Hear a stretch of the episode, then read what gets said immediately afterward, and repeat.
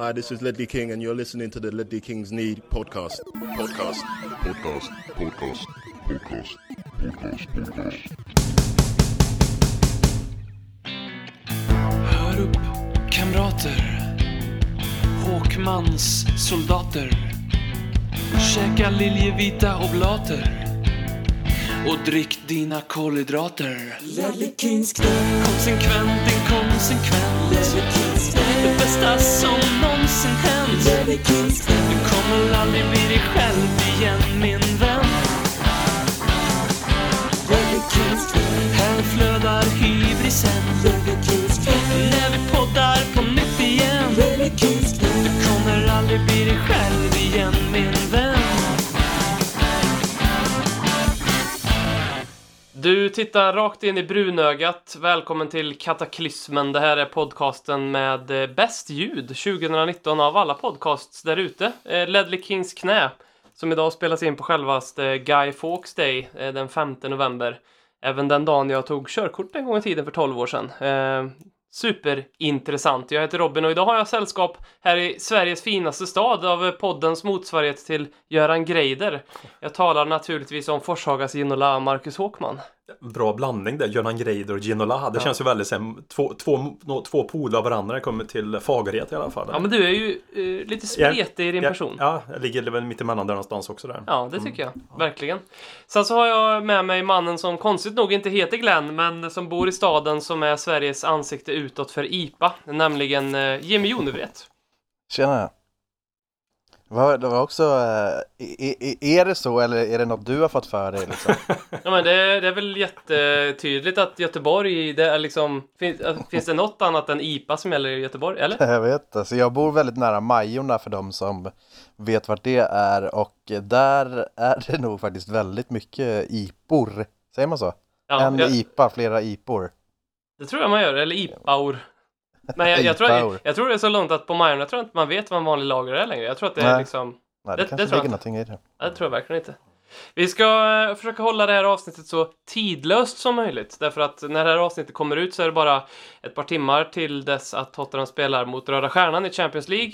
Eh, och vi vill ju såklart att det här avsnittet ska kunna gå och lyssna på eh, under ett längre tidsfönster än så. Vi ska ju då såklart eh, prata om Everton-matchen. Eh, Sheffield United lite grann, Röda Stjärnan lite grann kanske. Arsenal ska vi skratta åt och så har vi lyssnarfrågor. Eh, men först tänkte jag att vi skulle prata om ASMR. Mhm. Vet ni vad det är för någonting? Ingen aning. Nej. Ingen av er vet? Nej. Nej. men då blir det lite, då blir det kanske lite folkbildning eh, och eh, för, både för er och lyssnare som inte De flesta lyssnarna tror jag vet vad det är faktiskt. Mm. Men ni brukar vara undantag på sådana saker. Det här är ju nämligen en internettrend dessutom. Jag är inte förvånad att ni inte... Jag är nöjd att jag inte vet vad det är. Ja, jag förstår det. Det är en internettrend, så det, det går ut på att eh, Youtube-vloggare Mhm. eh, eh, spelar in sig själva när de gör saker väldigt, väldigt nära mikrofonen och så drar de upp liksom eh, ljudet på mikrofonen kan man säga väldigt mycket så att man när man lyssnar på det så ändå så sitter de och äter väldigt nära mikrofonen eller så sitter de och kanske frasar med någonting och gör lite ljud så att man när man lyssnar på det så, så ska det tydligen då liksom ge lite vällustkänslor eh, för att man får det här ljudet så otroligt nära in, inpå så, så att säga. Okay. Det är ASMR. Det är en jätteny trend. Så om, du, om ni googlar på ASMR så finns det video på video där folk sitter och gör saker. Folk kan sitta och prata bara rakt in i en mikrofon så här jättetyst och när man lyssnar på det så låter det som att de är i en, ens hjärna. Får Liksom. du testa det? Eller? Ja, jag, jag, får- jag får inget ut av det tyvärr. Nej. Eh, Men jag tänker, det, det är nämligen så att det är en ganska stor del av befolkningen som gör det. det ma- jag är i minoritet här. De flesta får någon form av välbehag när de lyssnar på en ASMR-video. Beror på vad man lyssnar på kanske. Precis. Man kan ju lyssna på allt. Man kan ju lyssna på en tjej som sminkar sig eller så. Det problemet som de, de flesta vloggare gör fel, det är ju att de har väldigt mycket liksom rumsljud. Så att det är väldigt mycket brus eh, på de där.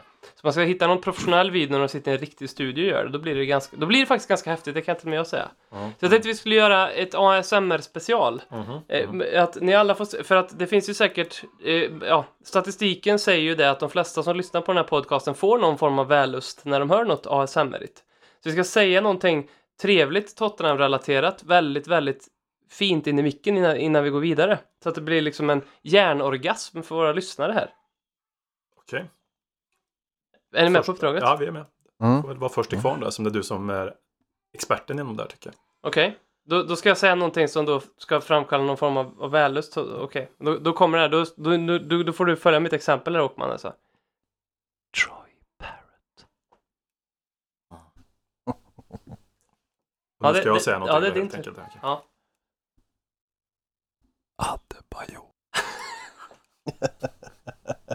Fan, du, du tog mitt spår lite där, det var lite synd. Jag måste Ja, nästan tänka om då, för jag var väldigt nära på att jag tänkte säga i alla fall Vladimir Chiriges. Hette han Vladimir? Gjorde han inte det eller? Jo, Eller Vlad va? Vlad bara. Men Vlad! Det, Ja, han blir en helt hette annan Vlad. person när man tänker att han kanske heter Vladimir. Han- Det kanske han heter, Vlad det kanske de Kalle till Karl. Nej, alltså. men han heter Vlad. Jag är som en mormor. Även fast någon heter något annat så säger man liksom, ja, Ja. ni förstår vad jag menar. Vladimir, var fick jag det ifrån ens? Ja, men jag, jag tycker det passar ganska bra på honom. Ja, vi, vi bra. på det idag i alla fall. Bra, då, då har ni... Det, det, Då fattar vi grejen i alla det fall. finns, eh, ja det finns faktiskt, jag googlar på eh, ASMR Tottenham om det finns, och då finns det en video, men det är liksom inte gjort av Tottenham-fan, det är något, något, fotbolls, eh, något fotbollsfan som har gjort en video där han sitter och i juni i år, så sitter han och läser upp potentiella transfers för Tottenham i ASMR-version. Ja. Hur känns det han lyssnar på nu då? Typ så. Ja, ja. Eh, Fan vad tillfredsställande nu, jag kan tänka Ja men mig där, alltså. det, det, du, är, det, ja, det ser du. Du, du, du är en av de som det träffar. Ja, Um, jag provar detta. Vi, Ja. ska, vi ska skratta åt eh, Arsenal nu. Let's all laugh at Arsenal. They are really shit.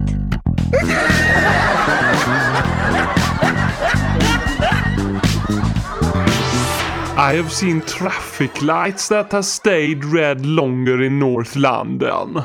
Vad har vi för någonting att skratta åt eh, Arsenal? ja. Länge har klubben funnits. Så det kan bli ett långt segment. Ja, vad tänker du på? Nej, men lite allt möjligt. Alltså det, vi kan väl börja med att det, de har aldrig spelat upp sig i högsta ligan någon gång. Mm. Så egentligen borde de inte ens vara här. Så de är ju liksom allt de har vunnit som kallas någonting i Premier League eller Division 1 är ju, eh, ja. Det är ju inte där liksom. Du pratar om det här med att de köpte upp sig till division 1 Ska i vi, början börja, ska vi en... börja säga sånt i sån här podd? Tottenham-podd? Vi ska bara utgå att folk vet. Vi ska, inte, Okej. vi ska sluta förklara saker. Vi ska bara utgå från att folk vet tycker jag. Ja. Men det är bra. Eller, eller, eller håller du med mig? Absolut, jag tror Ja. att lyssnarna också håller med dig. De gillar, gillar att känna sig dumma, det är också lite trender i samhället 2019. ASMR och känna sig dum. Vi bara utgår från att de vet liksom. Nej, men de, de tog ju Tottenhams plats. När vet jag inte exakt, men det var väl någon gång där 1920 någonstans där. Ja, när det begav sig. När det begav sig. Ja. Det är väl någonting att skratta åt om att de aldrig har liksom på sportslig nivå spelat upp sig. ja det, det får vi göra. Det, det, där, där, det, Ett där förslag. skrattar vi.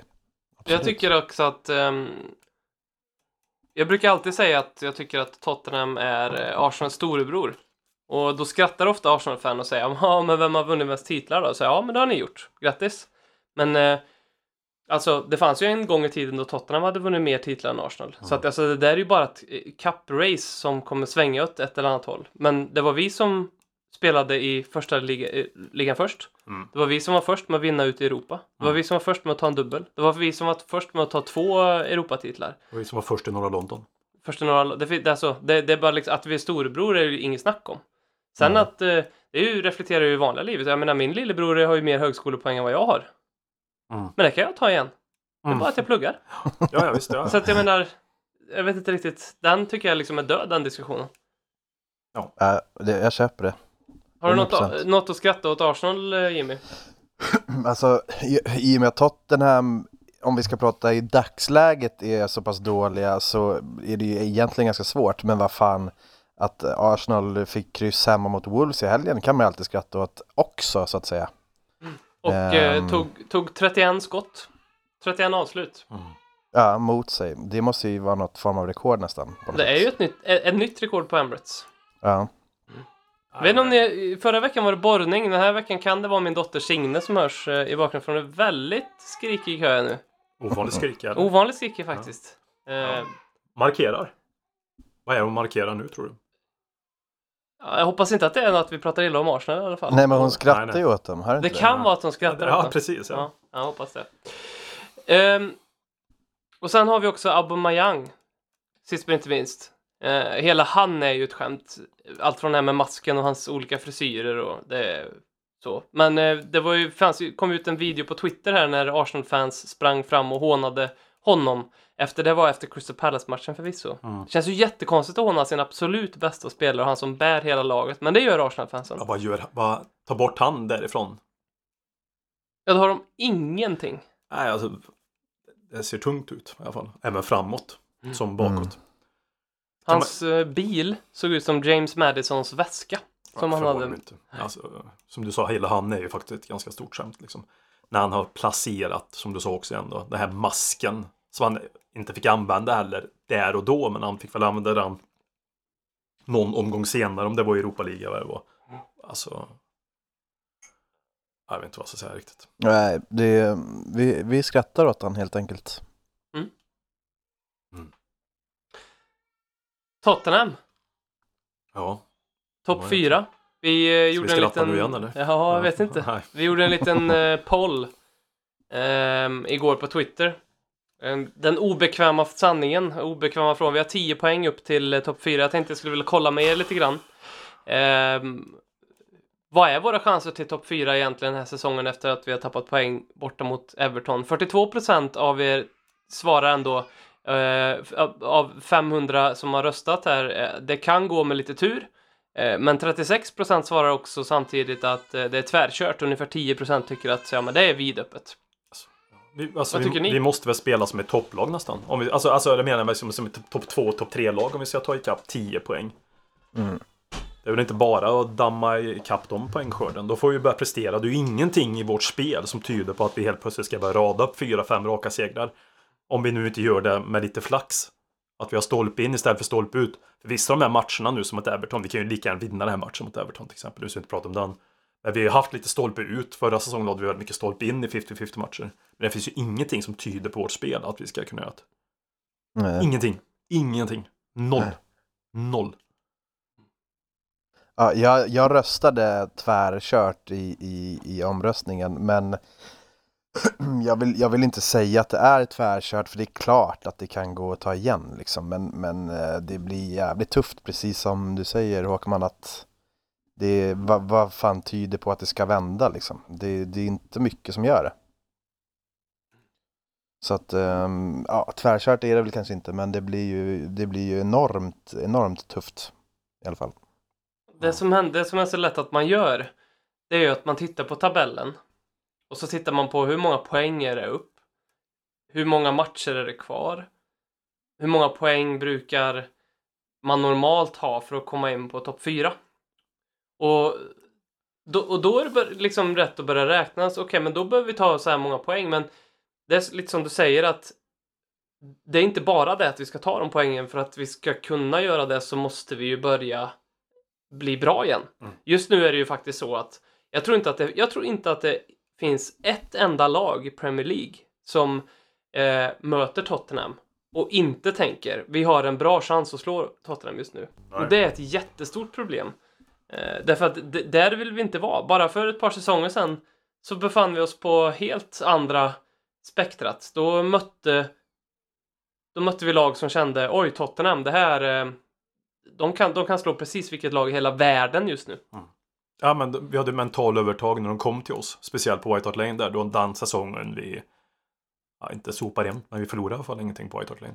Alltså vi går in med pluspsyke mot motståndarna liksom redan där och då. Det gör vi ju inte nu. Alltså det är... Det är Jag faktiskt... tycker nästan det är tvärtom nu alltså, tror jag. Ja.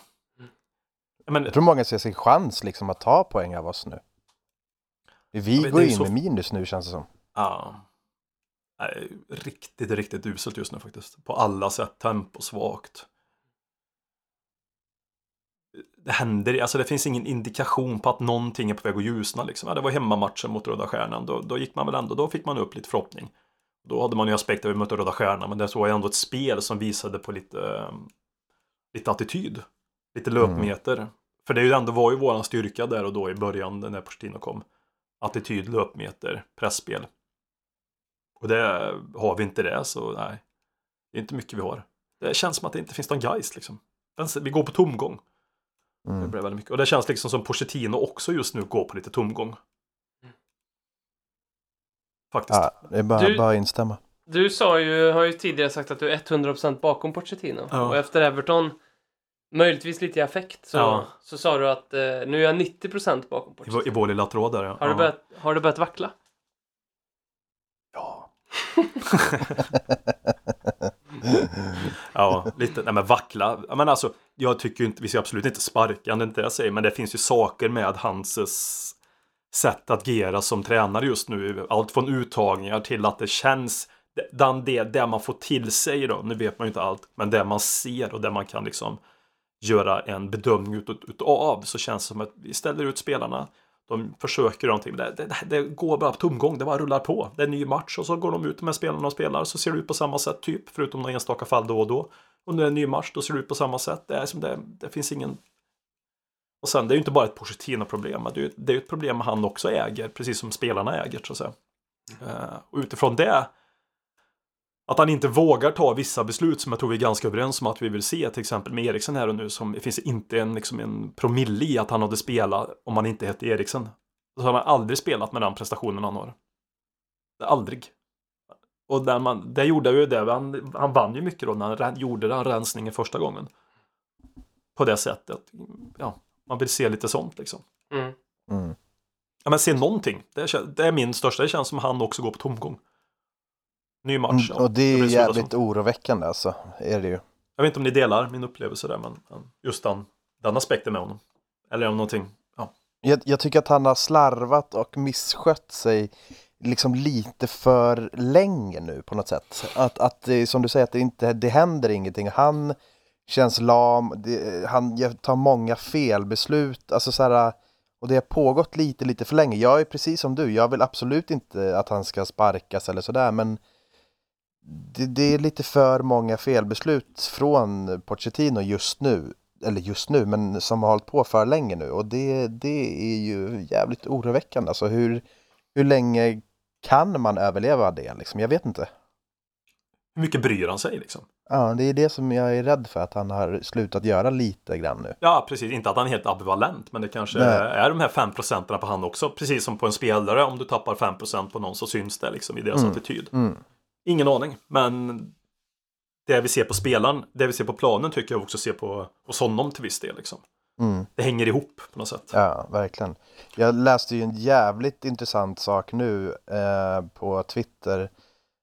En journalist som eh, hade, eh, alltså jag vet inte om det var citat eller om han hade, jag vet inte vart han fick det ifrån, men han hade, då hade Pochettino sagt att han eh, är nöjd med Eriksens senaste tid. Och att det inte är så stor skillnad från hans tidigare fem år i Tottenham. Nej. Och det var en bara- av, frågorna, bara- ja, det förlåt, var en av förlåt. frågorna vi fick. eh, Jonathan Steele undrar hur, hur kan han ja, hur kan han rättfärdiga Pochettino att han ger Eriksen chansen? Mm, alltså det, det, att, att, han, att han, om nu det stämmer och att han har sagt det, så är det ju liksom bland det sjukaste man har hört sedan han kom. Ah. Vad, vad, hur- vad, fan- vad, vad får han ens att, varför vill han ens försvara honom så jävla mycket? Jag förstår inte heller det. Han, han kommer ju försvinna, inte helt omöjligt i januari om inte annat efter året. Jag, alltså, jag, vad, vad är det han, han kan väl bara säga jag vill inte prata om det eller så säger han att aj, han, har inte, han är inte på sitt bästa just nu. Det kan man faktiskt säga tycker jag i så fall. Ja, man behöver inte Mourinho och slakta dem offentligt, det köper Nej, man. nej, Men man absolut. behöver liksom inte välja att aktivt hylla dem heller på det sättet. Nej. När det är så uppenbart, i det här specifika fallet är det väldigt uppenbart. Med Mm. Eriksen. Det är ju inte alls som det har varit de senaste. De här dipparna kunde han ju få ibland. Några matcher per säsong. Kunde han ju verkligen gå ner sig. Men nu är det ju liksom... Ja. Det är ju ingen dipp. 15 matcher in, någonting sånt där. Det som jag tycker är intressant är ju att jag tror ju att ett element i det här är ju såklart att Pochettino vill skydda sina spelare och det han säger i pressen kommer aldrig att återspegla det han säger eh, man till man på, på ett sånt sätt som, som det är hos Mourinho. Vilket jag kan tycka är ganska eh, stoiskt eh, och bra och hedrande. Men det som jag, det som blir lite dissonant här är att Tanguyen Dombele, han säger, Pochettino säger, har sagt på två presskonferenser nu att ja, men ni har inte sett det bästa av Tanguyen Dombele. Vänta ni bara. Han är inte alls upp till speed. Eh, Lo Celso samma sak. Ja, men han är inte alls, han är långt ifrån startelvan. Sessignon samma sak. Nu är det här nya spelare, men det är ju ändå så att han är ute i pressen och säger att här kan ni förvänta er mer. Och då funderar jag på varför kan jag inte göra samma sak med Eriksen? Kanske är så för att det är ett sätt att han kan, att han kan trycka på dem på ett sätt för att de lyfta sig. Rent psykologiskt och Eriksen måste han liksom kamma medårs just nu. För att kanske, jag säger inte att det är rätt nu med Eriksen. Men att det kan vara någon sån, att Eriksen kanske inte skulle klara av en sån eh, ja, någon form ut av eh, negativ kritik från Pochettino. Även om han är väldigt diplomatisk. Jag vet inte om det kan vara någon sån att han försöker Mm. lyfta honom på det sättet. Mm. Men det är ju som Jimmy säger. Som han har behandlat den kontraktssituationen. Det, det har han väl all rätt att göra. Han måste väl inte skriva på nytt kontrakt. Men då behöver vi inte vi bygga laget kring honom på det sättet. Vi har ju andra personer som vi kan börja slussa in i det här i det nya laget. Som Lo Celso till exempel. Även om inte han är redo så måste han väl för fan vara redo att starta någon jävla match. Mm. Han sitter ju på bänken. Ja. Eller hur? Mot Så det- Liverpool så, skap, så skapade ju Paolo Gazzanigas fler målchanser än vad Christian Eriksen Ja gjorde. men i höger där till exempel. Och sen Men- har han ju. Nej, fort, nej men kör du, kör du. Nej men sen har han alltid haft en Han har ju i grunden också till synes som jag upplever det Även när, när det går lite bra för honom Så har han en ganska Loj aura utav sig. Alltså han ser ju allmänt lite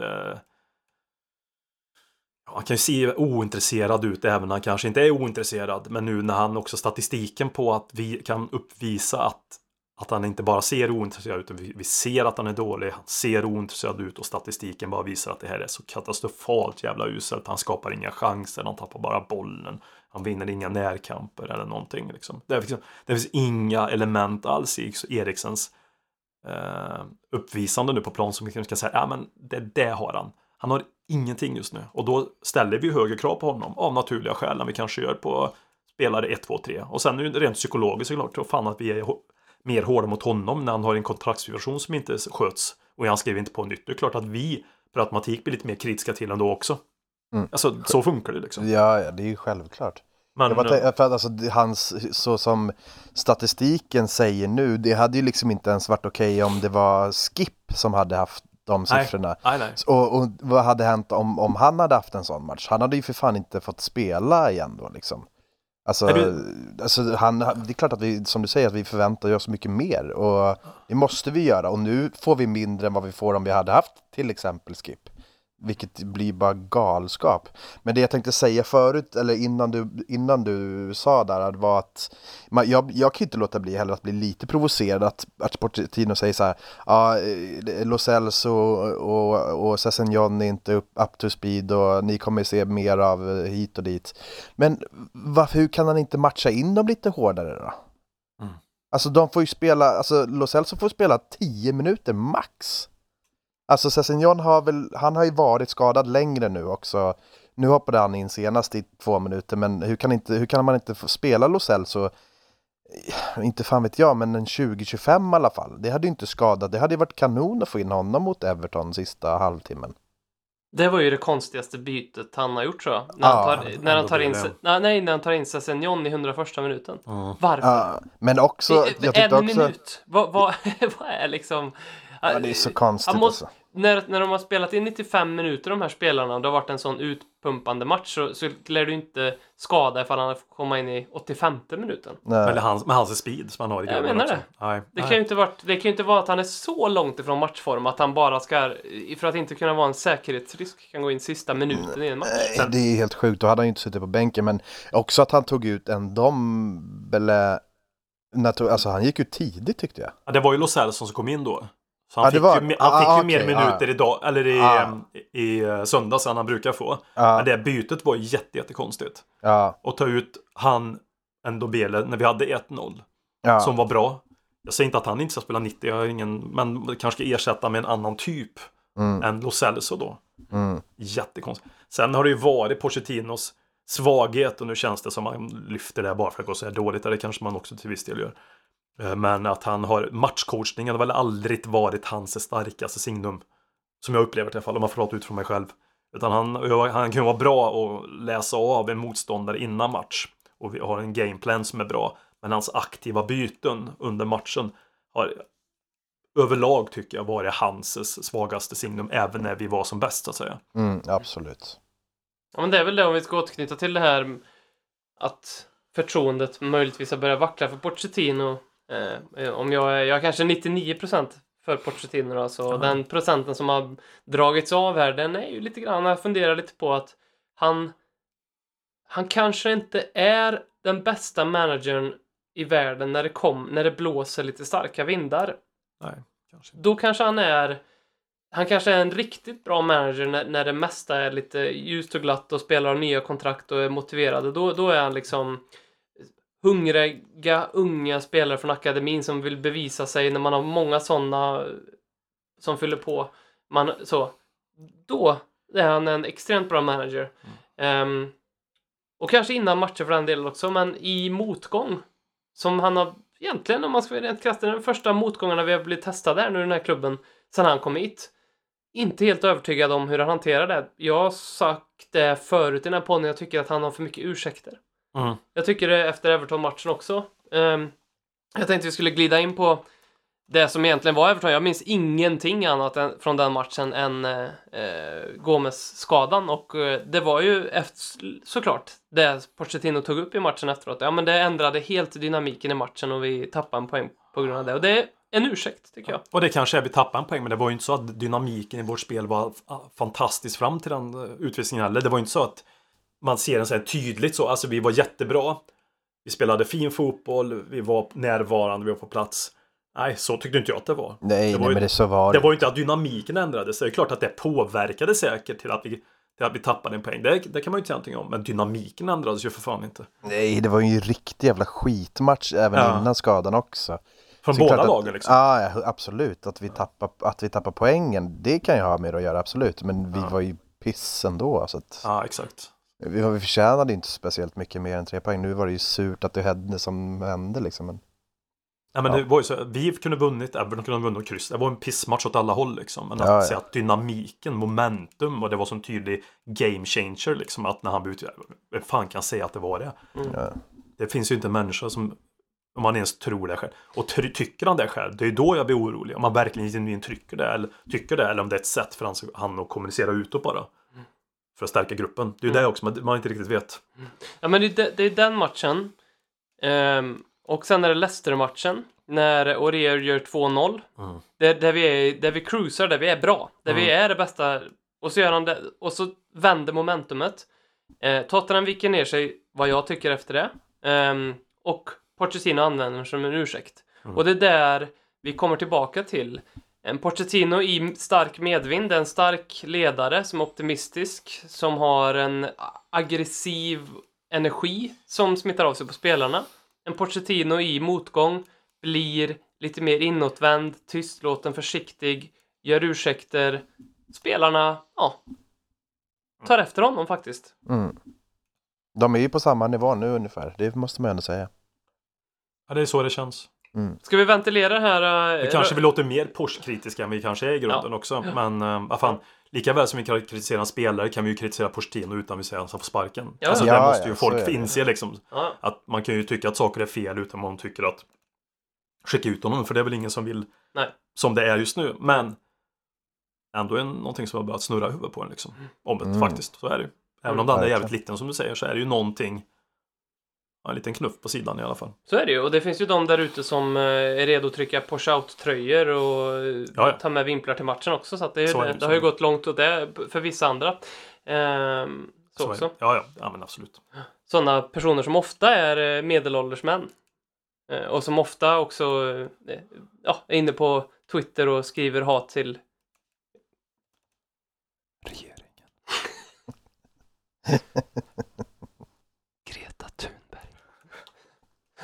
Ja. så, så är det. Mm. Vad tycker vi om det röda kortet då? Nu har, eh, ska jag säga det direkt här så att ingen lyssnare tänker åh fan, har de inte, eh, har de inte mm, läst detta? Jo, det har vi. Eh, röda kortet är ju upphävt. Eh, så att sån är ju inte längre avstängd. Det var ju inte ett rött kort längre, men det blev det ju i den matchen.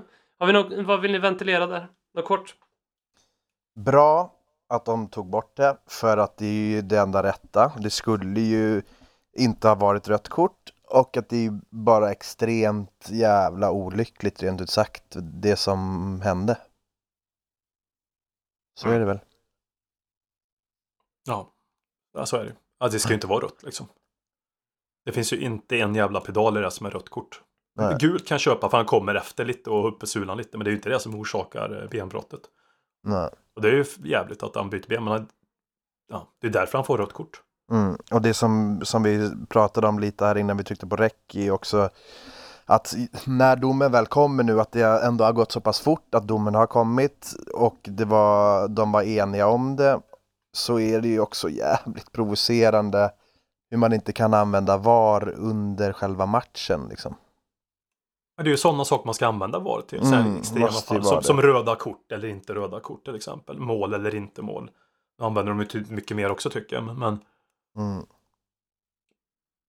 det förstör ju hela poängen. Alltså det är mycket som förstör men det är en lång diskussion. Men alltså det är ju ett felaktigt beslut att ta. Även nu när man har mer, mer hjälp till handa liksom. Mm. Så blir det ju Kan ännu inte- mer fel. Kan Martin Atkinson tagit den lätta vägen ut? Att han eh, såg skadan, Ja. såg publikens reaktion, vevade det röda kortet och kanske själv väntade på VAR. ehm, för att få det liksom ur vägen så att han själv inte får tappa ansiktet med att han har missat något som borde varit ett rött kort. För jag tror att som domare och som särskilt Martin Atkinson som har lite den där auran att han är lite sådär lite stolt, lite prestigig domare. Eh, har vi sett många gånger eh, förut. Eh, Ja, kan det vara så att han tänker där att om jag inte ger ett rött nu så kommer det se jävligt illa ut för mig när VAR sen ger ett rött? För sådana uppenbara förseelser ska man väl ändå se som domare? Mm. Ja. Men, men Ja, men jag, det tror jag också, jag tror också att det kan vara anledningen till att de inte ens kollade VAR. De, de vågar inte ta något annat än rött där för det som hände, att det som hände hände så att säga. Jag, jag, tror, jag Ja. tror att det måste vara något sånt. Varför, varför skulle de inte annars titta? Det kändes, för, det kändes för självklart och han måste ju ha hört att ah, men låt det röda stå, det blir väl bra för han bröt faktiskt foten. Så Mm. får det vara, så det var ju inte så att man, någon direkt hade mage över att klaga på det röda kortet. Det var ju bara Nej. att köpa det på något sätt. Men när man ändå ser reprisen så är det ju faktiskt felaktigt och det är en jävla otur. Så att jag tror att det, det måste ju vara något sånt. Bara låt, låt, det- låt kortet bara stå och så... För det var ju, ingen kommer klaga på det ändå liksom. Vad hade vi känt om en Erik Dyer varit inne på planen och börjat opponera sig mot det här röda kortet? Det, Starkt. Gott. Men eh, den här, jag måste, jag, jag skulle vilja spela ner eh, att han ger rött kort lite grann ehm, också. Därför att det finns en regel som ehm, säger att om en spelare gör en tackling eller på annat sätt ehm, föranleder någonting så att en annan spelare blir svårt skadad så ska det ge ett rött kort. Mm. Och det är en ganska bra regel faktiskt. Mm. Ehm, alltså när man tänker på det. Eh, sådana där tacklingar som sån gör, det, det, den tacklingen är ju absolut ett gult kort. Mm. Ehm, och det händer ju varje match. Sådana där Mm. saker. Det blir kanske lite värre att eh, André Gomes har, har gett han en, eh, en armbåge strax innan. Det, det kan ju liksom göra att eh, Sons aktier sjunker just i det här fallet lite grann för man kan tycka att det är ännu lite mer händaktion men, men den tacklingen, det var garanterat tre, fyra sådana till under den matchen. Men om man tar en situation till exempel där två spelare jagar en boll ut längs kortsidan eh, och den försvarande spelaren ger, eller anfallande spelaren för men oftast den försvarande spelaren ger anfallande spelaren en liten knuff eh, precis vid sidled. Så det, det har ju funnits situationer då en spelare då har tappat balansen, flugit rakt in i reklamskyltarna och skadat sig ganska illa och det är ju sådana saker som man vill åt här, för i sig en knuff eh, en, på axeln, eh, det händer ju extremt många gånger mer på en match också och är ju oftast väldigt ofarligt och ska vara där i fotboll och en kontaktsport och allt det där. Men det är ganska bra faktiskt att den här röda kortregeln finns i de situationerna därför att där kan ju det vara väldigt mycket allvarligare och då är det ju helt oförsvarbart egentligen att något sånt händer. Varför ger du han en knuff i, i, ett sånt läge då? Mm. Så att regeln i sig har jag in- inte så svårt för så på det sättet så det försvarar Atkinson lite grann men eh, man blir ju extra provocerad av att man ser att han först tar upp det gula kortet och sen helt plötsligt har han tagit upp det röda sen. Eh, så det gör ju li- liksom det hela lite mer svårsmält. Mm, nej men absolut. Jag håller Ja. helt med. Det är, det är helt rätt. Alltså regeln, det är bra att den finns och den säger så. Så är det ju. Man måste ju ändå tänka på, på människorna i detta liksom. är det någon som har hört hur, det- hur det har gått för honom? Han hade opererat sig idag, det har gått bra. Ja, jo. Mm, han lämnade sjukhuset nu och, och de sa att han kommer bli helt återställd liksom. Så att det är ju det är väldigt väl- skönt att höra det. Mm, för jag förstod, jag har inte sett, för jag pallar inte se de här bilderna. Jag förstod att den var väldigt sned va? Har ni sett den här? Ja, det, det var inte bra. Nej, Jag- men man fick ju inte se repriser på det för Nej, de men- visade inte det. Men nej. man fick se det live när de filmade in att han låg där. ja, Då såg man väldigt- det direkt. Alltså den var ju... Det var ju, Superbra, den liksom. var, ja, tvär, Ja, det var, verkligen alltså, av alltså. Så nästan. Om det är rakt, nu visar jag så, så nästan Ja, det ja, var- 90 ja, grader den, eller? var, den var nästan mer bakåt, liksom foten. Ja, okej. fy Det var, hängde löst liksom. Det var inte trevligt Mm. Ja, det är nästan så jag kan tänka sig att finns foten kvar liksom. Alltså, Det- det alltså- en sån... Jag kollar hellre på Alfinge Haaland-skadan än, än, äh, än, den, äh, än den här. Ja, ja, bland de värre Ja, benbrotten ja, jag sett eller? Ja, ja. Har ni sett Alfinge Haalands ben hur det ser ut idag? Är det den med Roy Keane den? Han eh, hämnas helt enkelt. det. Det, det ser ut som en kycklingklubba som någon har ätit på. Eh, Okej. För han fick väl sluta med fotboll efter det? Ja, ja, ja. Det var Mm. helt karriärsdödande. Är det han som är pappa till den här nya förresten? Här, han, Ja, ja, det är det va? Det är inte ja. det va? Det var han i um, Salzburg. Ja, exakt. Ja. Det kan ju bli, jag vet inte om Roy Keane har en son som spelar, men jävlar vad fint det vore faktiskt på ett sätt om han har det och eh, den här Erling Haaland eh, liksom Mm. eh, eh, förstör hans karriär. ja. Vad, vad gör Roy Keane då med Alfing Holland igen? Det är ju andra benet. Ja, Exakt. Två, två kycklingklubbor bara.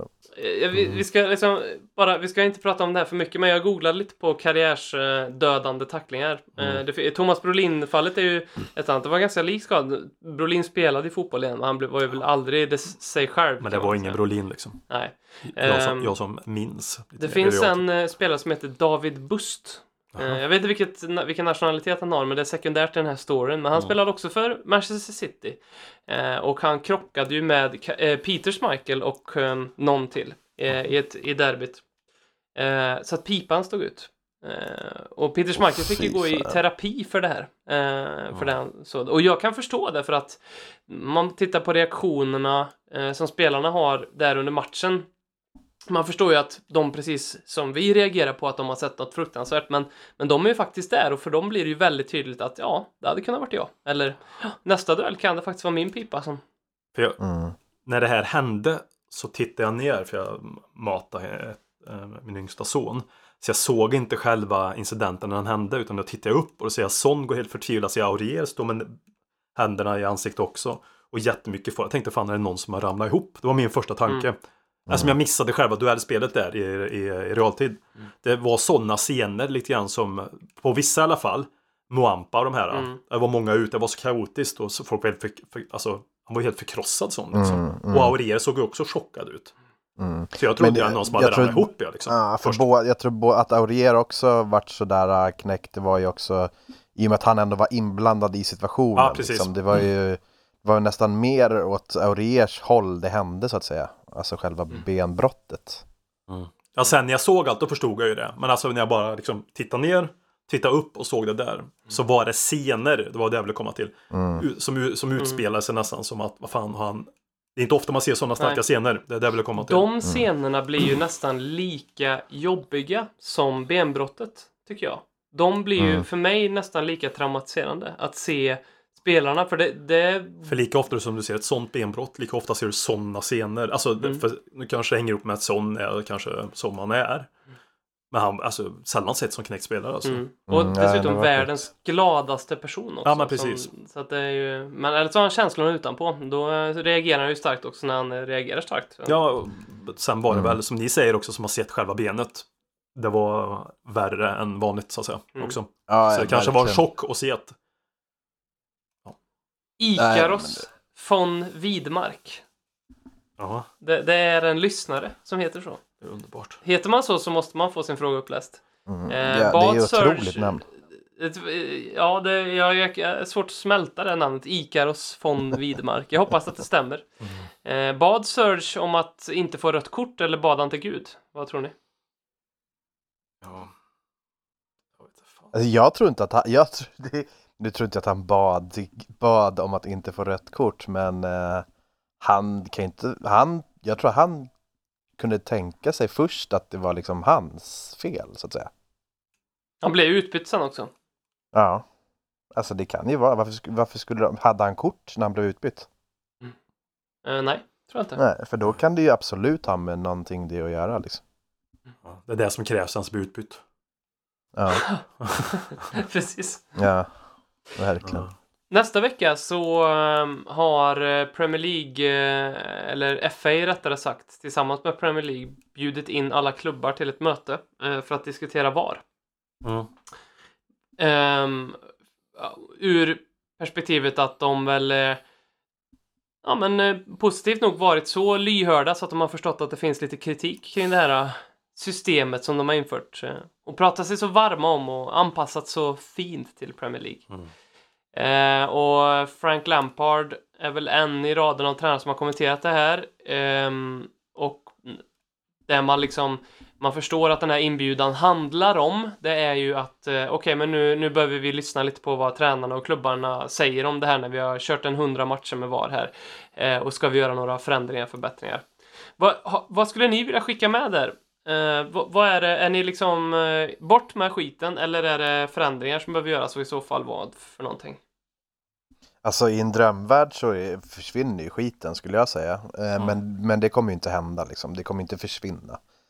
Eh, men och, och, och eftersom att det, det inte kommer göra det så är ju det här initiativet eh, det är väl skitbra. Alltså att, att, man, att man, man på något sätt är, inte är större än att man, att, så man, att man kan bjuda in till det här och i alla fall föra någon form av diskussion för att göra det bättre. Hjälpmedel är väl bra att ha. Nu är ju väldigt, väldigt många emot VAR, även många spelare också, men jag tycker det, något måste ju hända för det har ju varit för dåligt nu liksom. Mm. Alltså ja, äh, men det är väl som du säger, ja, det är väl inte så mycket att göra åt det. VAR är väl till för att stanna oavsett vad jag vill eller inte vill. Mm. Eh, och det gäller väl att försöka mötas så bra man kan i någon form av konsensus på det här Mm. sättet. Liksom. Mm. Sen hur mycket det här är ett skådespeleri till viss del för att man ska liksom eh, bidka folket och visa att nu är vi samarbetsvilliga.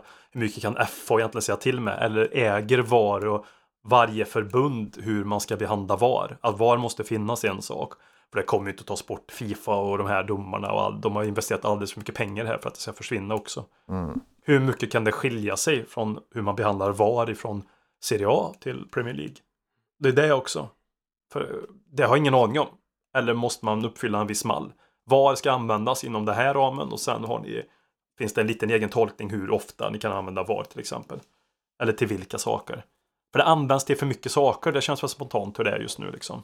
Tar för lång tid. Alltså som det här beslutet med Delalis hands eller inte hans. Nu tycker jag kanske att det, han var där lite grann med handen. Utifrån vad som är hans nu då, skitsak samma. Men det tog ju 5-6 minuter liksom. Mm. Det var ju helt sjukt. Det bara vevades. Och tar det 5-6 minuter oavsett. Då är det ingenting. Det kan inte, alltså VAR, man ska ju liksom inte börja leta fram någonting med VAR. Nej. Jag Ja, det- tycker ehm, en konkret sak som det är ju ehm, skärmarna så som det var i fotbolls-VM när domaren sprang och kollade på en skärm. Eh, de, de finns ju faktiskt på alla Premier League-arenor men de har aldrig använts. Eh, i, på de här 100, Det är 110 sant faktiskt. Det är faktiskt sant. Det är lite konstigt. Det är konstigt. Jätte, jättekonstigt. Och det tycker jag är nog en sån sak som jag skulle vilja att ehm, domaren, jag tror det kan vara en väg framåt att domaren som är där på plats och dömer matchen ehm, kan ta det beslutet. Jag tror att det skulle kännas lite bättre. För Ja. nu försöker, nu kanske inte jag minns, men när jag, det jag minns av fotbolls-VM, det var liksom inte direkt att VAR förstörde matcherna så mycket. Det var en ny grej som var he, som, ehm, som man inte hade upplevt i fotboll förut, men jag tror inte att jag var med om så många konstiga beslut under fotbolls-VM som vi har haft i den här Premier League-säsongen, för det har ju varit bedrövligt många. Och det är inte bara ur Tottenhams perspektiv.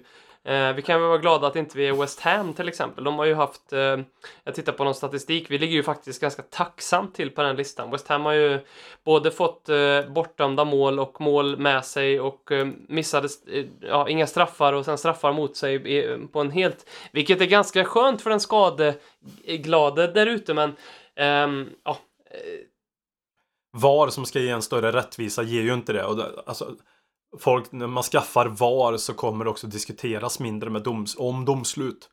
Grejen är att det diskuteras ju mer istället. Ja. För att man förväntas ju en högre träffsäkerhet Mm. till det korrekta sättet. Och då kommer det granskas ännu hårdare. Mm. Så det blir ju mer. Jag har aldrig jag har kritiserat domare och sånt där. Man kan raljera över två, tre, fyra, fem domarinsats på en säsong. Men nu känns ju varje jävla varje match som det finns någonting att miniraljera över i alla fall. Mm, Och så har det inte varit absolut. tidigare. Det har tagit, det har tagit för mycket fokus till matchen. Det har blivit för stor ja, inverkan på alla sätt tycker jag. Ja, jag håller helt med alltså. Verkligen.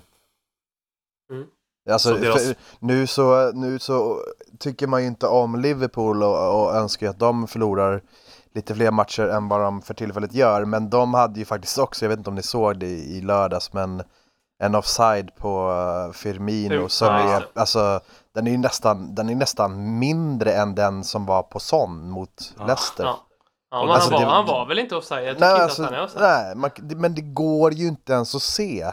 Och jag Man menar, kan inte sätta de där jävla linjerna, det går ju för fan inte att se. Ja. Han är för fan knappt en centimeter offside, då kan du inte blåsa offside. Det finns bara inte alltså. och det är ju samma sak som sån innan det var. Att man ska hellre fria än fäll, fälla i de här uh, sådana små marginaler när det kommer till offside. Ja, men det var de ja. väldigt tydliga med. Det borde väl vara samma här när man liksom när det är är det eller inte, om man kanske är lite där på knät kanske, alltså, vad man nu tar det på. Det är sådana mikroskopiska jävla, och sen vet man ju inte hur de här framesen rör sig heller, som Per gjorde klart för oss Ja, eh, för några, några avsnitt sen liksom. ja, men det var ju i samband med det målet mot Leicester. Ja, precis. Mm. Och då borde det också i sådana situationer, lika väl som Son, lika väl som Firmino, för jag såg också den. Men fria då? Det är väl, Mm. alltså, det är väl inte de här tydliga, det är väl ett ganska tydligt misstag man ska ta fram med VAR. Ja, Ja, alltså men det titta måste- här, alla kan se. Ja, men det precis, här är det ju är ju det. jätteoffside.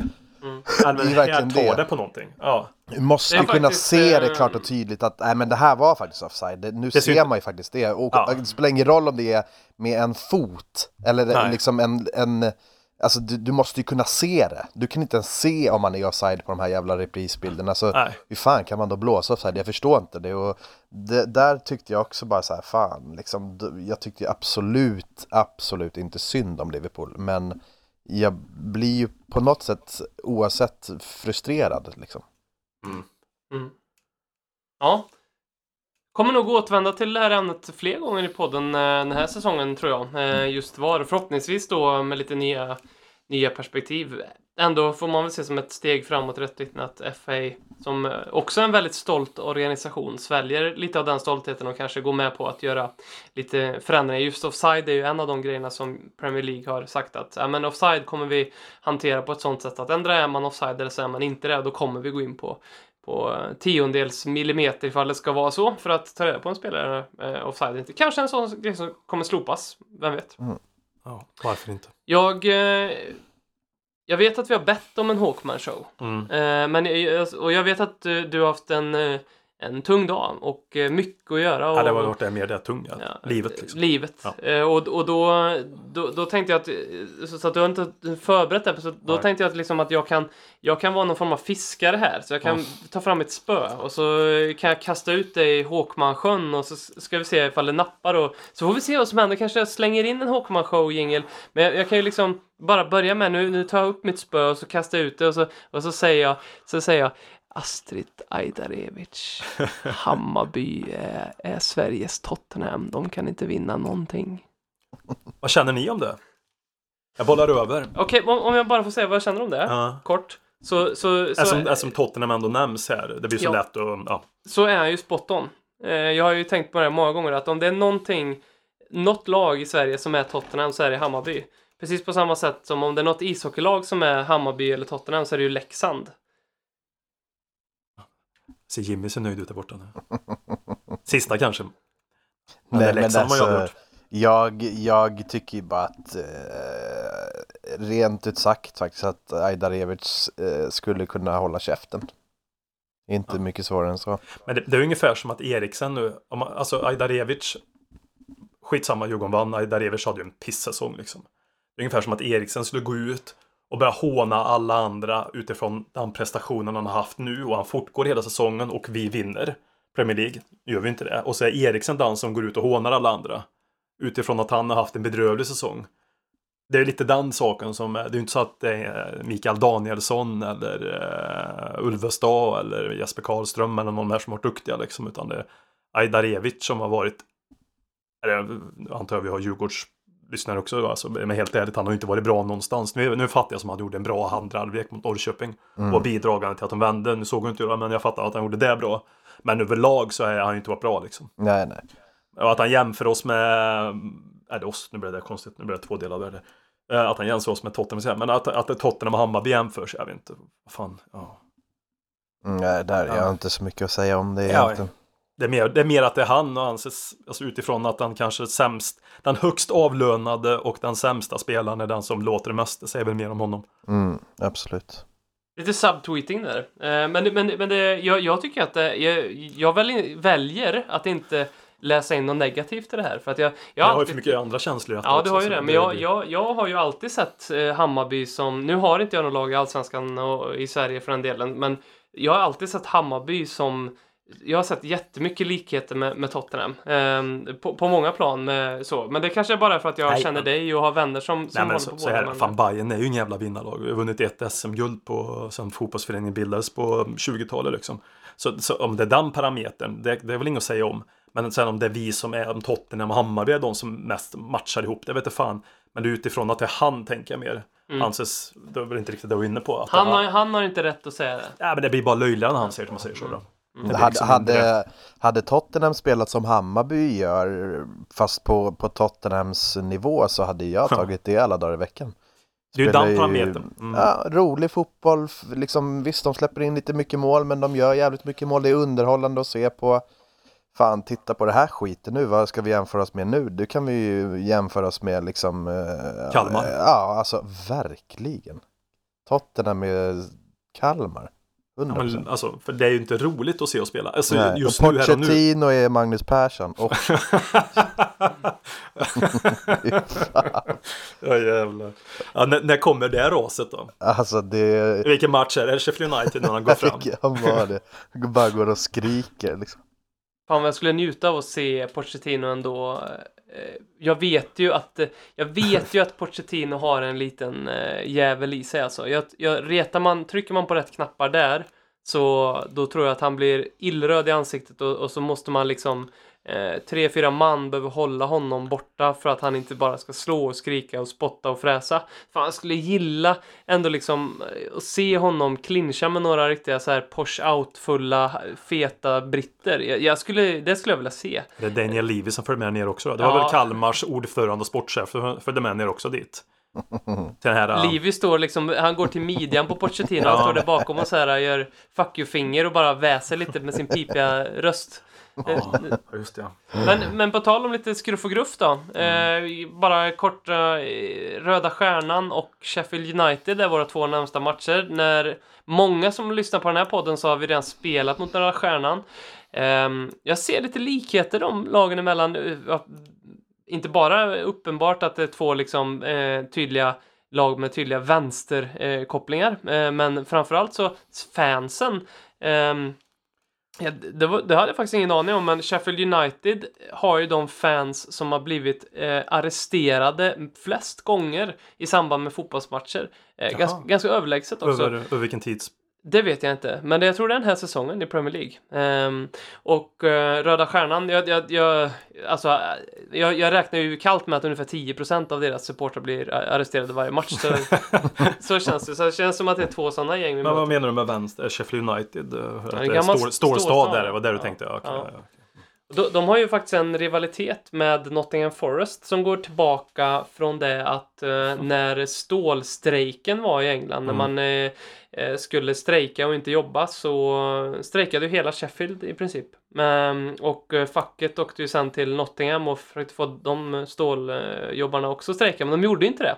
Okej. Eh, och då eh, föll allting och Sheffield har ju sedan dess haft en då fotbollsmässig rivalitet. Det här är, jag tycker sånt här är ganska vackert på ett sätt för det har ju liksom rötterna i eh, hur fotbollen växte fram i England som arbetarklasssport. Mm, ja. Eh, och då har alltid Sheffield och Nottingham haft en riv- rivalitet som går tillbaka från det och det är ju väl otroligt många fans som inte är i livet Ehm, och som många av de fansen som, som idag kollar på en Sheffield United mot Nottingham-match har ju liksom ingen personlig koppling till det, men rivaliteten finns kvar, tycker jag är lite eh, intressant. Ja, ja, men det blir så ungefär som Grand Fejden liksom. Det var deras gammelfarfar som bråkade om den här Mm. linjen mellan två husen på två centimeter. Och nu bråkar de. Minns du det? Med Robert Aschberg. Mm. Det var tre generationer som kunde bråka om två centimeter dit eller dit. Lite så är det med det här då menar du? Tänk om Robert, Robert Aschberg åker Ja, ner och kör... Eh, jag säger, vad var det nu, stål, st- stålfejden någonting då? Tar upp, ja. Tänk, men tänk om Robert Aschberg skulle vara med i Tottenham-dokumentären den här säsongen och gå runt och liksom eh, leta upp bråk i, i, i omklädningsrummet.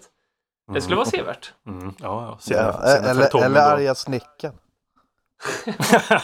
Han går runt i Han står, han omklädningsrummet. står, Till han står Eriksen helt liksom. obrydd nak, naken och intervjuar Ja. dem. Helt Va, obrydd. Så vad jag fan är det står. här då? Det här, det här håller ju inte. Det måste vi ju för fan se. Det är ju livsfarligt att tappa bollen här. Ja. Men eh, på tal om det här och livsfarligt och allt det där. Jag såg en video, det var fan det vidrigaste jag sett. Eh, de filmade eh, promenaden man tar från bortaomklädningsrummet till ut på planen på Röda Stjärnans eh, arena. Har ni sett det klippet? Mm. Ja. Jag, ty jag tycker han är lite överdriven faktiskt. Måste jag, Tycker säga. du det? jag tycker inte alls det. Det är ungefär som att gå i ett spökhus. Du vet att det du ser, det kan ju inte hända någonting. Du ser lite graffiti, lite betong. Nej, men vad ska hända Ja, liksom? men jag, jag tror Nej, att, jag, jag kan verkligen inte se. Det där är så överhypat så Tycker det finns. du? Ja, verkligen. Jaså. För den där tycker, den kom väl upp, för mig är större medvetande när Bojan Djordjic tog med oss förra året. Va? När de skulle möta Liverpool någonting där. Ja, exakt. de var ju med för. Så fick man, han skulle ta den här gången när han pratade om den här tunneln och så. så fatt, ja, visst, den sticker ut på ett annat sätt. Den ser ju inte ut som någon annan tunnel ser ut och det tycker jag är väldigt häftigt på det sitt sätt. Att den inte är alltså det är så, vippfin liksom. Det är två olika saker. Men att han ska vara skrämmande. Nej. Mm, nej, jag, Men det är jag ju så ungefär som att Men jag gå blir in också i spökhus och bli rädd liksom. Ja, men jag tycker också det är så här äh, när man pratar om arenor och vad, vad, är det, de- vad är det för uttryck man har? Kokande kittel eller vad fan säger man om Fenerbahces arena liksom? Då blir jag Ja. så här, ja okej, men och liksom. Ja. Lite så känner jag då. Vad ska hända?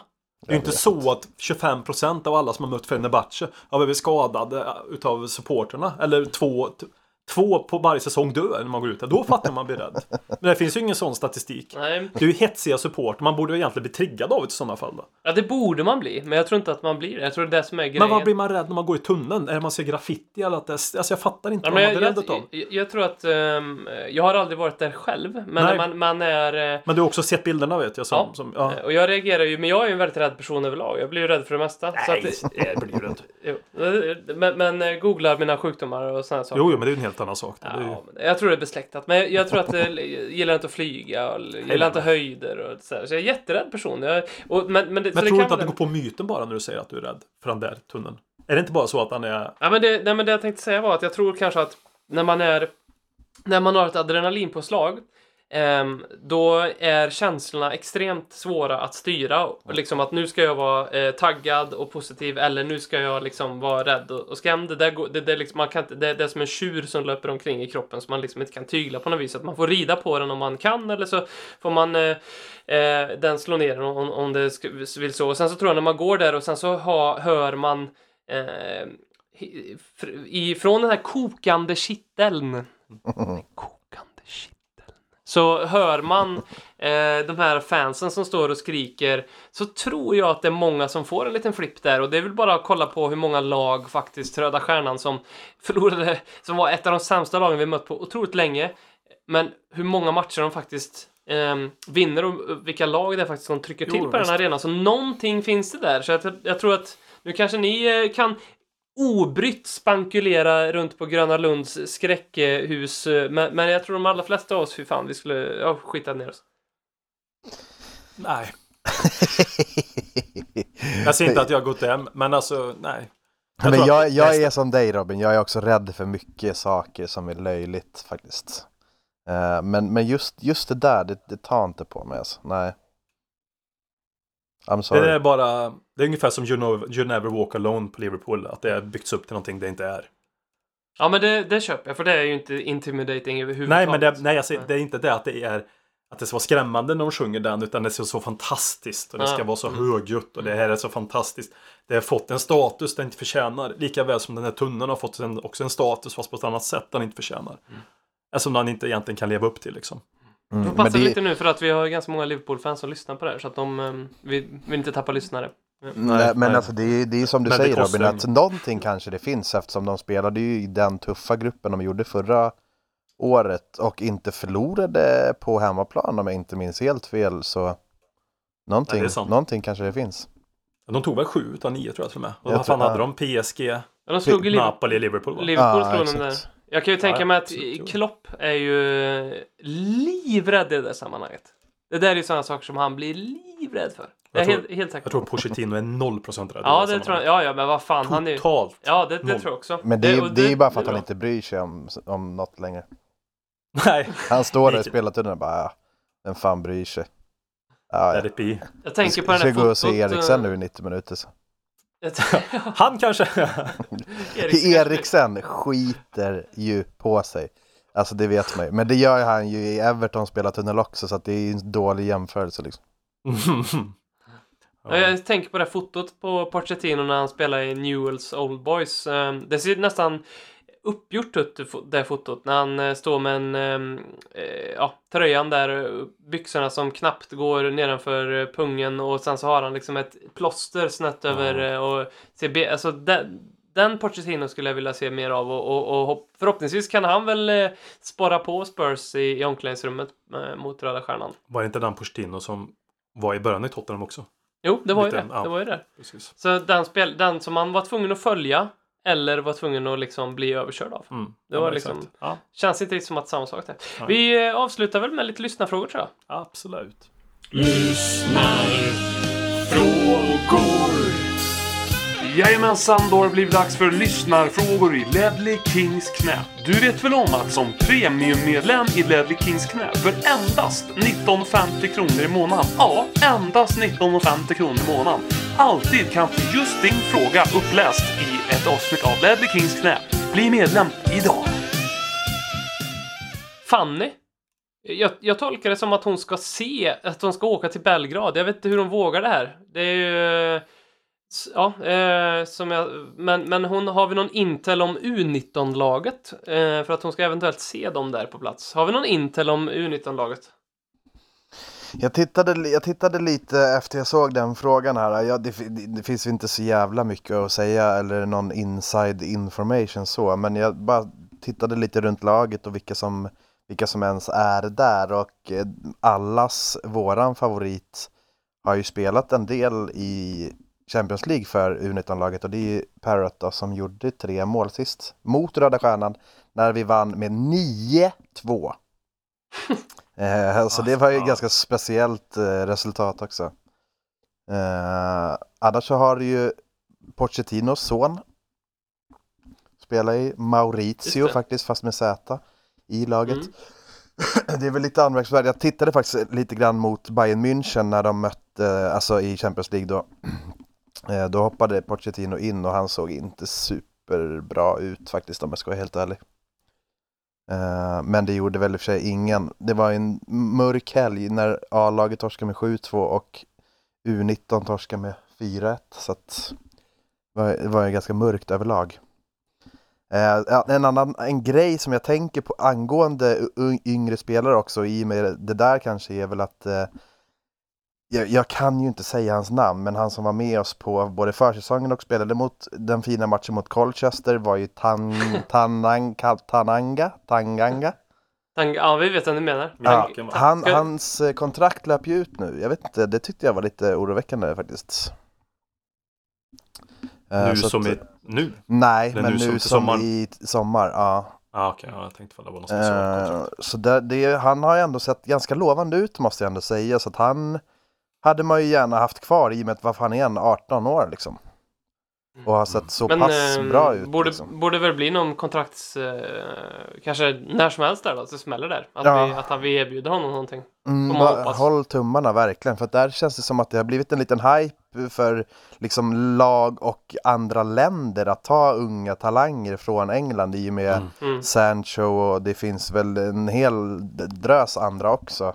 Nu, Ja, vi har ju Rio, Rio Griffiths mitt i Lyon. Ja, men precis. Och sen tänker jag att nu kanske inte han är på den nivån heller, men, men ändå en ung spelare som faktiskt är aktuell för, för A-laget. Likt Jadon Sancho egentligen, från City som gick till Dortmund och är helt fantastiskt bra nu. Mm. Så att fan, knyt upp honom alltså alldeles oavsett. Det tycker jag verkligen, för jag tycker att han har sett väldigt spännande ut och jag har inte sett det som helt jävla orealistiskt att han skulle kunna sitta på en bänk redan nu alltså. Men ganska profilstarkt U19-lag. Det, det känns som att det är ett gött gäng. I, övrigt finns väl uh, Tainius son där. Ja, men Ehm, precis. Och uh, Kion Etete. Som uh, tränades av Harry Kewell i Notts County. eh, innan han gick till Tottenham i, i somras. Det, det, han, han tyckte jag ändå var en fin fotbollsspelare måste jag säga. Harry. Kewell, ja. Mm. ja. Är man en före detta fotbollsspelare kan man alltid söka, söka jobb eh, som tränare i Notts County för de verkar ju gilla sånt där, Sol Campbell bland annat. På tal om kontraktssituationer så undrar Niklas Hansson ehm, om hur kontraktssituationen ser ut i Tottenham. Vi har ju de eh, självklara då. Eh, Toby, Eriksen, Janne eh, kan ju lämna gratis eh, till sommaren. Ehm, och redan nu i januari transferfönstret så kan de ju, ungefär så som Juventus gjorde när de tog Ramsey, de kan göra klart den affären. De får ju prata med klubbar redan ett halvår innan eh, kontraktet går ut. Sen så har vi, jag tittade lite vilka som går ut efter nästa säsong. Eh, det är ju de spelarna som man eh, då, om det är bra spelare så kan man tänka sig att när som helst kommer en kontraktförlängning. Eh, är det mediokra spelare eller spelare som börjar komma upp i åldern och som inte spelar lika frekvent så är det spelare som med allra största sannolikhet kommer säljas i januari eller till sommaren. Ehm, och jag tycker det stämmer in ganska bra. Det är fyra spelare vars kontrakt går ut sommaren 2021 och det är Eric Dyer, Moussa Sissoko, Victor Wanyama och Danny Rose. Eh, tror ingen av dem, alltså det kan till och med vara så att ingen av dem spelar i Tottenham i februari 2020, eh, men att de har lämnat efter nästa sommars transferfönster, det, det, det tror jag definitivt. Skrev inte Cissoko på nytt eller? Blev det inget eller vad fan? Jag miss... Ja, jag Ja, fått... han skrev på ett nytt. Jo, han han gjorde på nytt, fan det. va? Ja, han Det gjorde fan stämmer. det. Ja. För han har väl skrivit på Han skrivit typ på- tills han skulle bli 34 någonting. Just det, just det, det stämmer. för det var det som var lite anmärkningsvärt eftersom han förlängde med så pass länge fast han är så pass gammal så att säga. Eller vad det nu var. Ja men precis. Ja. Mm. Men, men, de, men de andra liksom. tre är ju precis som du säger Robin, det är ju, där, ser jag ju nästan, alltså februari nu 2020, inte alls omöjligt att ingen av dem är kvar om jag ska vara helt ärlig. Mm. Nej. Sen så Dyer, där blir man ju liksom nostalgisk och man, man gillar ju han på något sätt ändå. Han har inte fuckat som de andra har gjort på något sätt. Så att han, han kan jag på något sätt vilja ha kvar för den sakens skull. Mhm. Ja, ja, det är samma här. Men när det kommer till Dyer så är jag inte objektiv liksom. Nej, Nej. Man Man är får- som med vissa spelare. Kan man säga. och det, så ska det vara tycker jag också. Han ska vara kvar i Tottenham, det bara är så. Mm. Men, men Wanyama och Rose kan ju gott gå. Men då måste vi, Wanyama kan ju gå alldeles oavsett, men Rose måste vi ersätta. Ja, om vi nu måste det. Om nu sen Johnny är tänkt att spela där så är det väl okej att ha han och Ben Davis då. Men jag tycker väl i och för sig att Ben Davis är för dålig också, men, men det är en annan sak. Mm. Rose tyckte jag så också en sväng, men jag tippade över till andra hållet nu. Jag började stört mig på honom. Ja, men han, han funkar inte. Jag har haft ett bipolärt förhållande till Danny Rose. Ja, jag med, 100 procent. Alltså, ibland har jag liksom tyckt, ja men fan vad skön han ändå är. Och så har jag gått tillbaka, nej släng skiten. Och så har det växlat till fram och tillbaka där. Just med Mm. honom. Det har varit väldigt speciellt med honom faktiskt. Mm. Det, är- alltså, Danny Rose för mig har ju fan varit en av, en av mina absoluta favoriter alltså. Ja. genom, Mm. genom, genom, den senaste, genom de senaste åren. Men det är som du säger nu, det går ju inte att ha han längre. Liksom. Han, det, han är ju för dålig liksom. Och för stökig. Mm. Nej, han bidrar inte med någonting just nu. Nej, nej. Fuck, marry, kill. Känner ni till det? Yes. Alternativen är Joe Lewis, Christian Eriksen och Daniel Levy. Jag förstår det inte heller, men jag behöver inte förstå allting. Nej men eh, fuck, marry, kill. Ja, Du ska välja en du ska fucka, alltså ha sex med. ja, Du ska välja en du ska gifta dig med och sen du ska döda. Okej. Joe Lewis, Christian Eriksen, Daniel Levy. Vilken jävla mardrömstrio på något sätt. Ja, jag kände också det. Men jag, Christian Eriksson dödade jag alla dagar i veckan. Det betyder att du måste ligga med Daniel Levy eller Joe Lewis. Alltså inte Joe Louis extremt gammal. Jo. Men då hade jag nästan hellre gift mig med Joe Louis och tagit arvet. och sen, för jag tänker att han är jävligt rik liksom. Ja. Och så vad var det sista då? Ja då får jag väl ligga med Levi då. Jag tror inte, ja, det, det tror jag inte kommer vara en jättejobbig upplevelse på om ni läser mellan raderna. Men det, Jag tror han ja, är väldigt sådär formell. ja, det tror jag. Jag tror, tror inte det, jag tror inte du behöver vara rädd att det blir något sjukt liksom. Det blir liksom Nej, ingen, nej, verkligen det inte. blir ing, ingen boll i mun och sånt. Eh. Har du någon annan syn på detta Håkman? Nej, det var väldigt bra tycker Vill jag. du hellre ha den här frågan? Eh, Torleif Eklund undrar om Son kommer dö okysst som oskuld, 89 år gammal. Nej, Inte en chans. Tror ni det? Nej. 80, han, för det första kommer han inte bli 89 eftersom han drar ut i krig om några år. Men okysst eh, vid 39 kanske. Han, han, han blir kysst när pappan säger att okej för honom att bli kysst. Känns det inte lite så? Now you can kiss. Ja. Åkte han inte hem till sina mamma och pappa efter det här också? Efter det som hände? Läste jag någonstans. Självklart. De, Jaså? Ja, Efter eh, Gomez? ja precis. Jaså? Bor de? Alltså jag tyckte alla, fan vad jag tycker jag läser saker som jag inte kanske har hänt hela jävla tiden. Vad fan lever jag för jävla parallellliv som jag inte vet att jag lever ens i sådana fall? Eller? Jaha. Det är Ja, tredje, fjärde sakerna säger så som jag, som jag ser möts av extrem. Va? Va? Har detta hänt? jag har inte heller, jag har inte hört det faktiskt. Nej, det kanske är bullshit igen. Jag vet inte. En jävla traumatisk upplevelse efter, efter lördagen fortfarande här liksom kanske. Ja. Nej, nej men. Nej. Vad tror ni om El Jocos fråga då? Vem har störst salami av Tim Sherwood, Pochettino eller André Villas-Boas? Störst salami utav de där. Mm. Ja, det var ganska enkelt. är Inte? Är det? Ja, vem som har minst det vet man i alla fall. AVB? Ja, Mm. det tror jag. Mm. Tror jag det? Jo, det kan jag också tänka mig. Absolut. Sen kan jag Tim faktiskt... Sherwood jag- vill ha störst, man har inte Ja, jag störst. tror det är Sherwood. Det är... Nej, Pratar han störst? Ja, han känns som en sån här eh, Han för... om, omklädningsrum mellanstadiemobbare liksom. Men har man störst då? Ja, men oftast var det så. Jag kan tänka mig att Tim Sherwood är en sån här som, som ställer sig liksom bredvid, bredvid omklädningsrumskompisen och bara fläker ut den med att benen torkar sig med handduken liksom.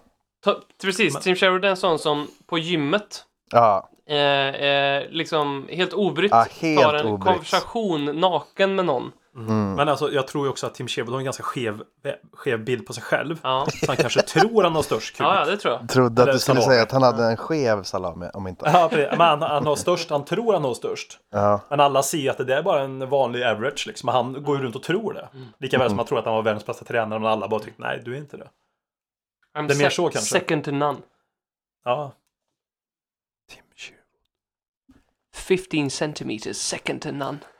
Ja, jag gillar, vad heter det? AS... AS... ASMR. Ja, det Kolla upp kanske, ja, kanske är någonting. Eh, jag fick, vi fick en fråga, jag förberedde den lite för jag tänkte att det, blir, det kan spåna så mycket. Ja, Ja, det- kom vi in på sådana här saker, då vaknade jag till liv. här. Ja. Filip och Fredrik hade ju en, en eh, fan de hade ett program.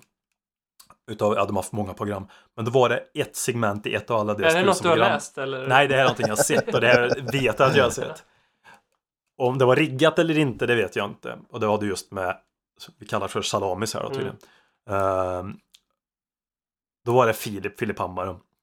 Och så var det fem, sex salami som stack ut ur en... Filip Hammar som ändå ett par hack under AVB. Ja, men det är helt övertygad om. Helt övertygad om. Då kom man ihåg vilken som tillhörde vem från högstadietiden. Det. När bara Dan hängde, när bara Fan. drulen hängde ut så att säga. Det ett fantastiskt segment, det kommer jag också ihåg. är Ja, det, re- alltså då kommer jag tänka på det nu, det, det, det är ju helt otroligt liksom. men vadå, Ja, det är det, det här hände alltså på riktigt? Det här Ja, hände de- ja, i ett ja. av deras program. Vilket det var det, alltså nu Boston gjort Tea en, Party eftersom- tror jag. Ja det var det, ja, Ja. det stämmer. Ja. Då har de tagit in som ett experiment och där fanns någonting att han kommer ihåg, jag ser det, jag kan inte se, kukar helt enkelt. Och då var det för hans högstadietid i Köping. Så de har tagit dit fem styckna, eller sex styckna killar. Som man inte fick se någonting på förutom deras kuk. Som stack Otroligt. ut ur ett hår. Så gick han där och sa, ja men det där är, mm, men det där är Jonas kuk. Ja men det där, och så, det, det, där. Han satt väl typ fem av sex eller allihopa någonting sånt där. Mm. Det är otroligt. Helt sjukt, helt. Det har ju gått ett par år också. Ja, riktigt imponerande. Ja, jo, på- jo, det är ju det på ett sätt ändå. Men det är, kanske ett av de mest konstigaste liksom, spetsegenskaperna man kan ha kanske. Mm. Ja, det, den, är, den, är, den är konstig faktiskt. Har, har ni någon sån själva? En salami? En salami?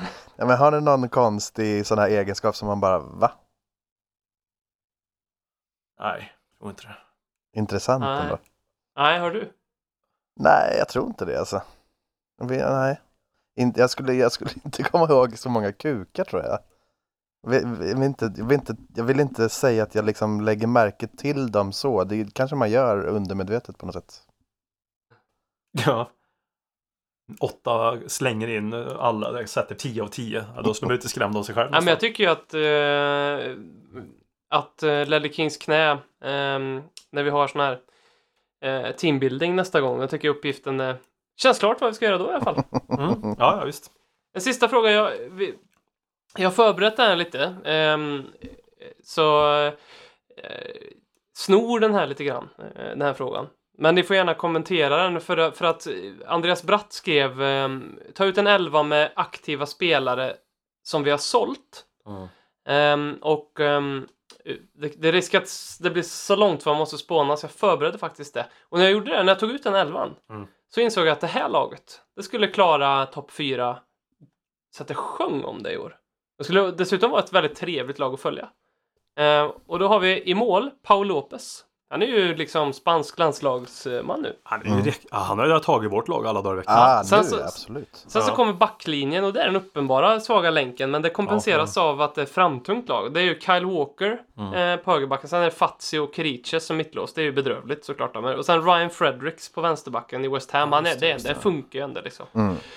Sen är det, det är ett 4-5-1 där så att mittfältet är då med Bale, Paulinho, Modric, Moussa Dembele och Gylfi Sigurdsson. Mm. Och så på topp Fernando Llorente. Mm. Sen har vi en bänk med, med Gomes, från Watford Gomes. Coker, Trippier, också ganska svagt. Försvar, försvarsmässigt är det här laget inte mycket att hänga i, i, i grenen. Eh, Tom Huddleston, på tal om salami, eh, måste vara där. Eh, och sen Josh Onoma, Marcus Edwards och Roberto Soldado. Ska de vara i nuvarande form de här spelarna eller? Ja, men precis. Det, Mm. Mm. det, det laget Alltså har ju startelvan är ju fin alltså. Ja. Defoe. Defoe spelar fortfarande. Han ska absolut, han tänkte också på honom. Du kommer ihåg den i alla fall? Ja. Mm. Mm. Ja. Mm. ja, är det det mittfältet?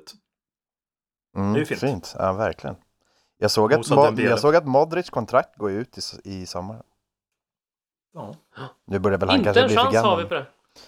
Nej. Nej, jag Nej. tror inte heller det faktiskt. Vill vi ens det? Om man Nej. ska vara helt ärlig. Nej. Vi vill, vill vi ens ha tillbaka Bale säger jag.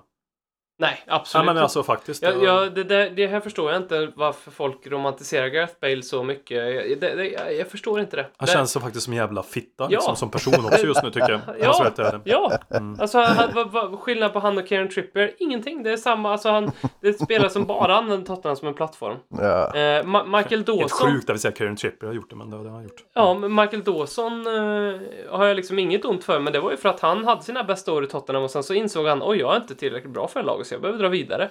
Gareth Bale stack ju bara för att liksom, ja men hej då. Mm. Det, det var ju inget, så att han har man inget... verkar rätt oskön som person verkar han utifrån Ja. det lilla man ser. Liksom, Ja. också, Ja, så- så. absolut. Men han, är- det går ju inte att ta, han är skadad hela jävla tiden. Det funkar Nej. inte liksom. Jag förstår inte heller, jag håller med dig Robin, jag förstår inte hur man kan, eh, varför det är så många. Alltså när han är frisk och, och så, då är det ju en fantastisk fotbollsspelare. Men det är en chansning som blir en av de dyraste spelarna i hela jävla världen typ. Man skulle bara ta bort hela strukturen på lönebalans. Vi skulle få höja på alla i laget helt plötsligt. och det är inte värt det för en Det skulle bli som 31-åring. där Sanchez gick till eh, United. Liksom. Man fuckade upp hela deras struktur. Liksom. Mm. Mm. Jag, så, jag såg faktiskt ganska konstig grej igår. Så att jag tittade på Stoke West Bromwich. Man är ju dum i huvudet. liksom. Riktigt mörkt, men det, det blir lätt så. Nu, tjejen har varit borta i fyra månader och pluggat i Australien här, så att det, det blir en del fotboll, fan. så kan man säga. Eh, men då såg jag faktiskt att bara för att jag lägger ut det här nu så tappar jag namnet. Eh, amerikan, mittback, tillhör oss, tror jag. Carter Vickers. Ja, det var Exakt. den matchen. Ja, Just exakt. Eh, han drar alltså på sig en straff igår. Det är nästan så att ni ska titta på det här som är, jag tror faktiskt aldrig i mitt 30-åriga liv har sett en mer solklar straff faktiskt. Han alltså, han missar bollen och bara klipper ner, ner motståndaren, alltså så att det, han gjorde nästan en volt liksom. Ni borde nästan titta på det, det var underhållande. Är han i Stoke nu? Det är det han är va? Mm. Han, är på lån, han, han är, jag tror att han är på lån från, från oss Det till ligger väl- Stoke. Tvärsist också Stoke va? Ja, Ja, de är så jävla Och EBA är väl topplag nästan? Ja, Uwe Rössler eh, riktas ju över. Mm, jag, så, Stoke. jag såg det. Spännande. ja jo. Ja, Jättekonstig matchning, men eh, visst. De har väl, det Han, han, har ju ett namn, han har väl ett namn i England. Han var i Brentford, det var rätt hyfsat då. Ja, Han ja. förde väl upp dem i Championship. Och Eh, eh, hans tid i Malmö är nog slut skulle jag tro faktiskt. ärlig. Poya Asbaghi till Barnsley. För den Ja, som... den är lite mer konstig kan jag tycka. mm. Då borde ju rent logiskt, alltså att han får, fan det blev fel. Men att han får gå dit utifrån att han har, nej den tycker jag är lite är konstig. Oväntad om man säger ja, så. väldigt istället. oväntat. Det var väl allt för det här eh, veckans avsnitt av Lelle Kings knä. Mm. Ja, nästa vecka är det ännu mer depp. Eller? Ja, men så är det nog. Då har vi ju förlorat mot både Röda Stjärnan och Sheffield United. Och då har vi nog, då kan jag garantera, förlorar vi de två matcherna har vi en ny tränare. Så. Eller vi har inte Ja. en tränare kanske. Nej, då, så är det ju. Ga- Ja, Det ja, kan jag nog säga, om vi torskar båda två. Då står Tim Sherwood på barrikaderna igen kanske. Är, är det bara jag som tycker att det känns lite spännande att få en ny tränare? ja, men lite. Eller alltså så här, för att det ska hända Men- någonting liksom. Ja, jag vill man är- verkligen inte att Pochettino ska gå. mänsklig. Man gillar ju Ja, nya men- saker. Men kolla, kolla, det finns ju en ganska tydlig jämförelse att dra här nu. Klopp var jättelyckad i, Brad, eller i Bradford, så här, i Dortmund. Och sen sista säsongen gick det ju käpprätt åt helvete trots all framgång han hade. Säger inte vi ska hamna där, men ja. Ja, då går det helt okej för dem nu liksom. Ja, alltså, det det där jag menar. Allting har ju sin... Nu hoppas jag att det inte blir så, men som vi naturligtvis har sagt 2000 gånger här. Men torskar vi båda två mot de här lagen, just de här två lagen också i synnerhet, som inte är något annat än två asfalteringar, eller en asfaltering och en seger då, då, så är det ju, ja, ryker han inte då så ligger han nog jävligt pyrt till. Mm. Ja, då borde han ryka. Om inte Ja, annat. ja, jag Det kan, jag faktiskt, det kan jag faktiskt tycka. Ja. Tack ska Absolut. ni ha nu. Tack för idag.